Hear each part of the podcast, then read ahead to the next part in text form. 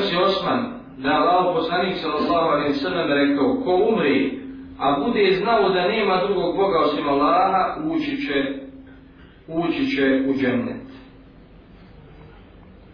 Ovaj hadis veže se za pitanje imana i djela Imana i djela Da li je dovoljno da čovjek samo srcem svjedoči i spoznaje da nema Boga osim Allaha i da uđe u džennet. Prema vjerovanju, jel, akidija, da sunete od džemata, mi smo o tome i govorili prethodno, svako onaj ko vjeruje iskreno srcem i jezikom očituje javno šehadet, to jeste da nema Boga sem Allaha i da je Muhammed Ali Islata sa njegov poslanik, on će biti stanovnik dženneta. Međutim, ovdje se nameću jedno drugo pitanje, to je šta je sa djelima? Jesu li djela uvjet ispravnosti imana ili su djela uvjet za ulazak u džennet i postizanje lave milosti ili rahmeta. Prema, znači, mišljenju velike većine islamskih učenjaka, djela su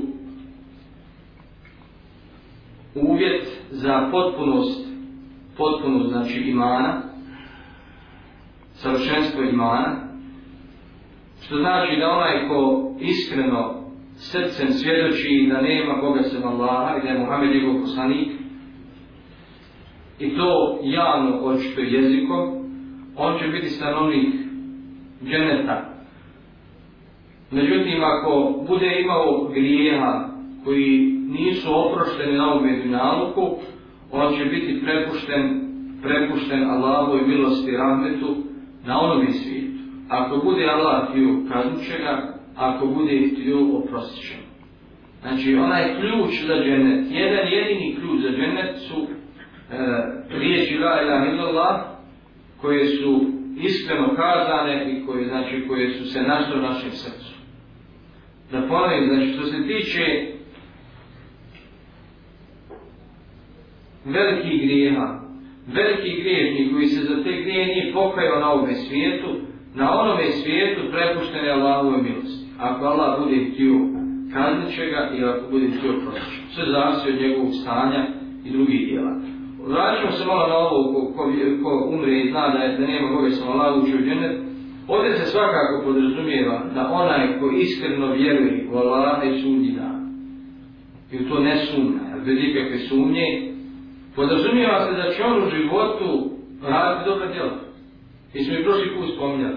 Ne, mo, ne možemo zamisliti čovjeka vjeruje iskreno Allah i sudnji dan, međutim nije nikad pao vladu sebi.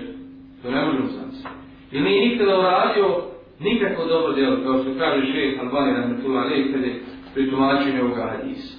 Ne možemo zamisliti da onaj ko iskreno vjeruje u Allah i sudnji dan, a da nikada nije učinio nikako dobro djelo.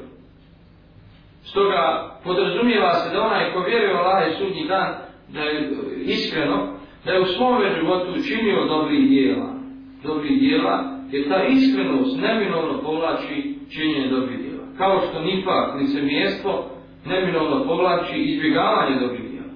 Namaza, zekijata i ostali dijela jeli, ko, koja zahtijevaju ima iskrenu vjeru. Zato munafik e, izbjegava namaz, klanja samo kad gdje drugi vidi. Ja. I da dijeli samo kad ga drugi vidi, radi drugi.